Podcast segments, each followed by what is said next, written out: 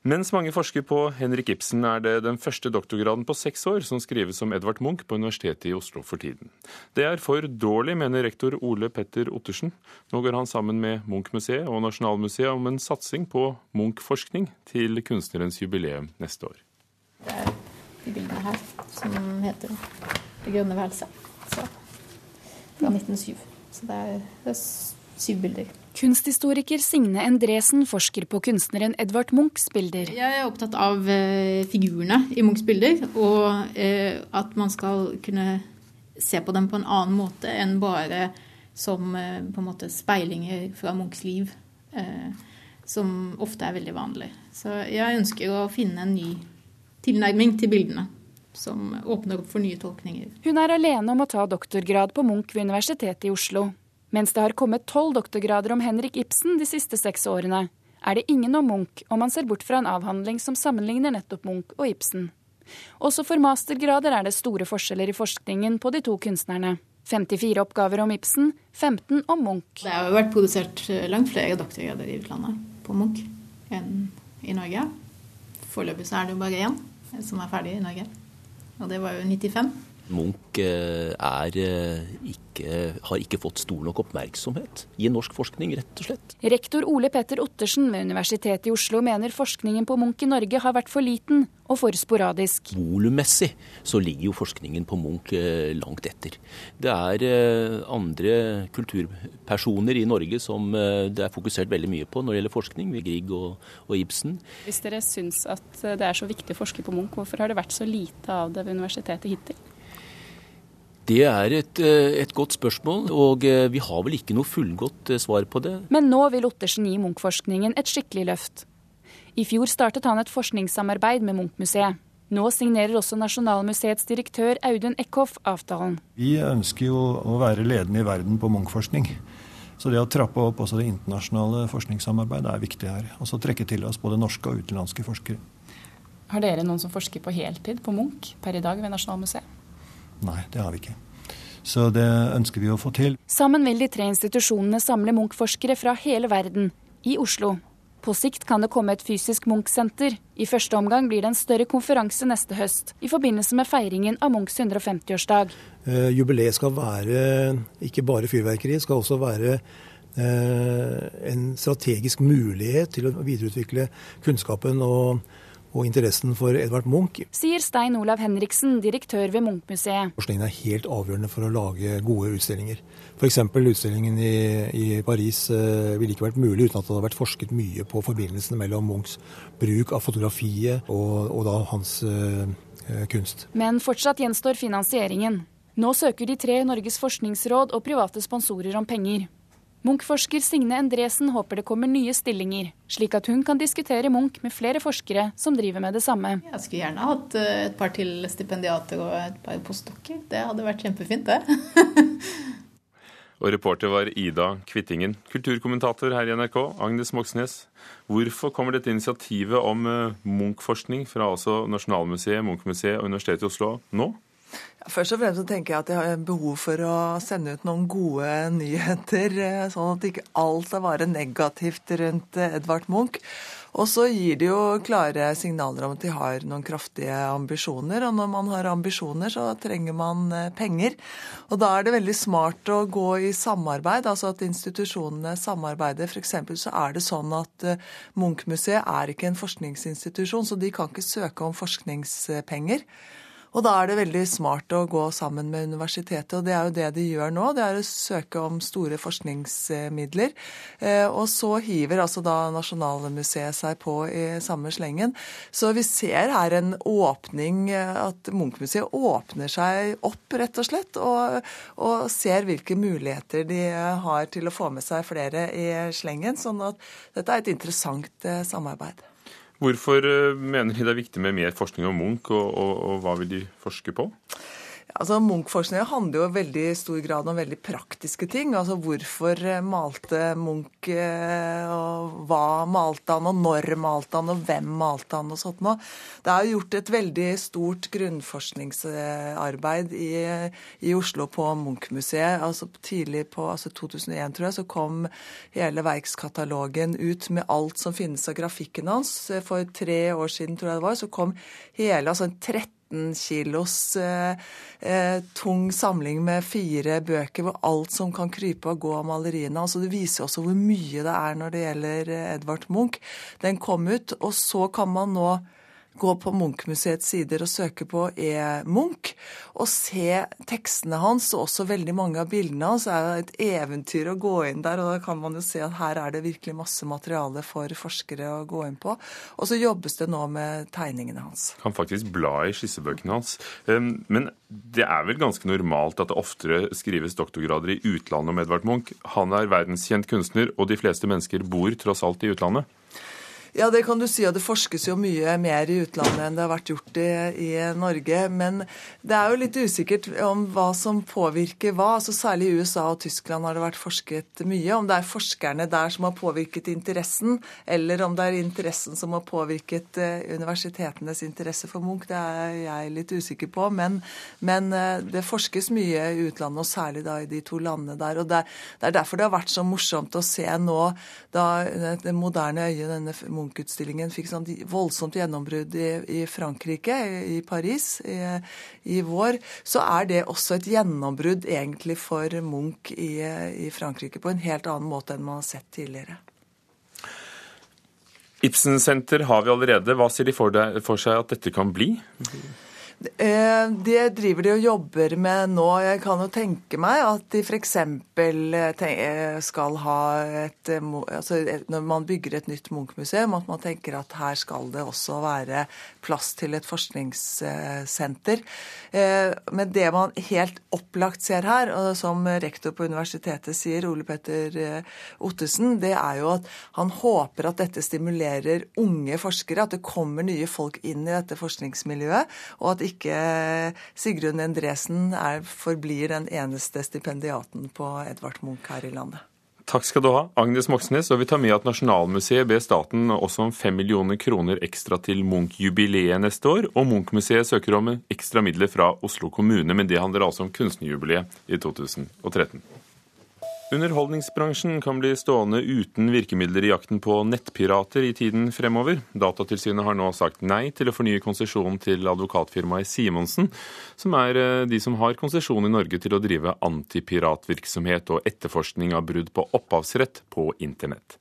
Poenget er ikke å stoppe fildelingsjakten, men å unngå at Simonsen får monopol på denne tjenesten, sier Datatilsynet til Dagens Næringsliv. Gratis lån av e-bøker på danske biblioteker er en suksess. Bare i februar ble 47 000 e-bokeksemplarer utlånt. Mens mange lånere jubler, er eh, forlagene mindre begeistret. Bibliotekene betaler dem eh, bare 18 kroner for hver utlånte bok. Og det kommersielle salget svikter når e-bøkene kan lånes gratis, hevder de danske forlagene. Nå krever de en endring når prøveordningen går ut i oktober, skriver Politikken. Du hører på Nyhetsmorgen i NRK P2 og Alltid nyheter. Overskriften i dag. Mulla Krekar avviser at han skal ha kommet med nye trusler mot nordmenn. Nesten ingen hjelpepleiere som arbeider på sykehjem har lyst til å bo der selv når de blir gamle. Og en skotsk krim ligger øverst i bunken eh, til vår anmelder Leif Ekle, som tar påskekrimen på høyeste alvor senere i Kulturnytt. Det var få jøder som kom levende ut av konsentrasjonsleirene under andre verdenskrig. Og vi liker at de som gjorde det, var, å tenke at de som gjorde det, var heldige. For eh, Jørund Rosenbergs far var historien en annen. Årene i Sverige var bare et 15 år langt stopp på vei til døden. Nå har eh, Gøran Rosenberg beskrevet dette i boken 'Kort opphold på veien fra Auschwitz'. I dag er man jo så medveten om hva slags trauman som mennesker kommer med. Det finnes jo en hel eh, vetenskap kring det som kalles posttraumatisk stress, men da visste man vel knappast hva det var. Gøran Rosenbergs far var først og fremst heldig. Han kom til Sverige sommeren 1945 etter å ha opplevd helvete i jødegettoen, i fangetransportene og i konsentrasjonsleir i Polen. Etter et par år på forskjellige mottak fikk han stiftet hjem med sin tidligere kjæreste, som til alt overmål også hadde overlevd. De fikk to barn. Den ene var Gjøran, som da ikke helt forsto hva som foregikk på innsiden av faren. Det var veldig vanlig.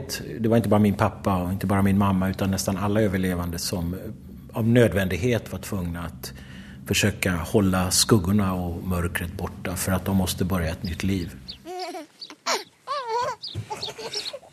Lykken lå utenpå. 15 år senere ble David Rosenberg lagt inn på sinnssykehus.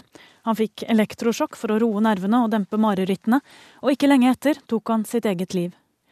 Gøran Rosenberg har hatt det som sitt livsprosjekt å spore opp farens historie, som en av flere historier om hva som skjedde etter en fantastisk overlevelse. Jeg tror nesten alt har overrasket meg på denne reisen, ettersom jeg visste så veldig lite. Jeg trodde jeg visste mye om gettoet, og enda har jeg funnet saker som har gjort at jeg har bare suttit og stirret på dokumenten og undret er dette möjligt? Jeg visste, trodde jeg, ganske mye om pappa, men visade sig jeg visste ingenting.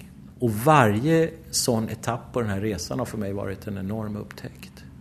Og jeg har ibland måste holde berettelsen ifrån meg for att kunne smälta, smälta intrycken, smälta kunskapen, smälta chocken sjokken över, over det jeg fikk läsa og se. En getto av jøder i Polen fikk ordre om å levere inn alle barn under ti år. Disse skulle drepes. Det svenske politiet hadde vitnemål fra folk som rapporterte om hvordan sånne som Rosenbergs klarte seg som nye innbyggere i landet.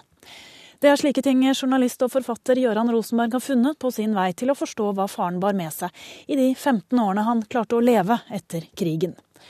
Forfatteren av boken 'Kort opphold på veien fra Auschwitz' tror ikke nødvendigvis at eh, faren hadde blitt reddet om han hadde flyttet historien til et sted eller til en tid med større oppmerksomhet rundt krigstraumer. Det er veldig svårt å si hvordan det skulle ha vært. En sak kan man vel se når jeg skriver denne efterkrigshistorien, at Europa på mange sett eh, ville glemme det som just hadde hendt. Men sen vil jeg også si at det trauma som mine foreldre kom med förintelsen, Auschwitz, är specifikt. För de finns, fan, hela, utplånades hela deras värld i stort sett. Allting. Jag hade inga farmor, farfar, far. Jag hade ingenting kvar av den gamla världen. Och det hade jag inte därför att de hade inte det. De kom utan ett förflutet, skulle jag vilja säga.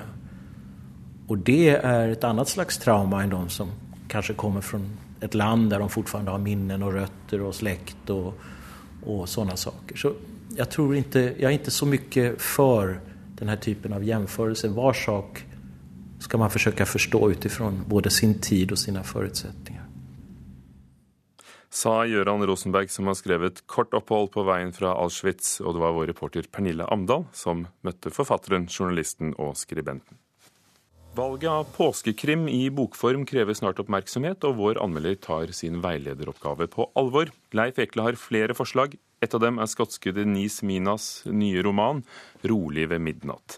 Der lanserer hun for tredje gang i forfatterkarrieren en ny hovedperson og helt. Leif Ekle liker det nye kvinnelivet i kjennskapet med Alex Morrow nesten like godt som de to forgjengerne. Jammen har Denise Mina parkert enda en helt. En modig forfatter, Mina. Etter suksessen med Garnet Hill-trilogien sendte hun helten, den psykiatriske pasienten og overgrepsofferet Maureen O'Donnell i pensjon. I stedet kom en ny trilogi, den strålende serien om Paddy Meehan. Den unge journalisten som gjennom de store endringene i 80- og 90-årenes Glasgow og i mediene karrer til seg en plass i en mannsdominert avisverden. Hun jobber hardt, er dyktig, ofrer mye. Så mens vi går her og venter på nytt om Paddy, er også hun plassert på sidelinja. Denne gangen er det Alex Morrow som tar over, en kvinnelig politietterforsker i 30-åra et sted. Som de andre heltene i Minas univers har hun menn og mannlig sjåvinisme å slåss mot. Krav om å være tøffest og dyktigst å leve opp til. Ikke bare det, hun og mannen har mistet en sønn. Det takler hun ikke. Den nye boka på norsk heter Rolig ved midnatt. Alex Morrow og kollegen hennes kobles først dagen etter på et overfall i et privat hjem i en av Glasgows forsteder. To menn med finlandshetter vasser inn i et pakistansk, muslimsk, men ikke spesielt religiøst hjem. De vifter med våpen, truer, skyter fingeren av husets yngste datter. De roper etter en person som ikke er til stede, krever en stor sum penger, før de tar med seg husfaren og forsvinner. Dermed står Alex overfor en kidnappingssak med svært uklare konturer. Hva kommer det av at kjeltringene tror det er store penger å hente i det beskjedne huset? Det vil si, dette skulle vært Alex' sak. Sjefen og hennes karrierebevisste kollega vil det annerledes. Alex må assistere, og liker det ikke. Jeg har sagt før om Denise Mina at hun har en evne til å beskrive helhetlig så vel miljøer og mennesker som en tidsånd. Hun gjør det ved grundig litterær undersøkelse og stiller seg med selvfølge sammen med de som holder til utenfor allfarveien, utenfor det jevne velbefinnende.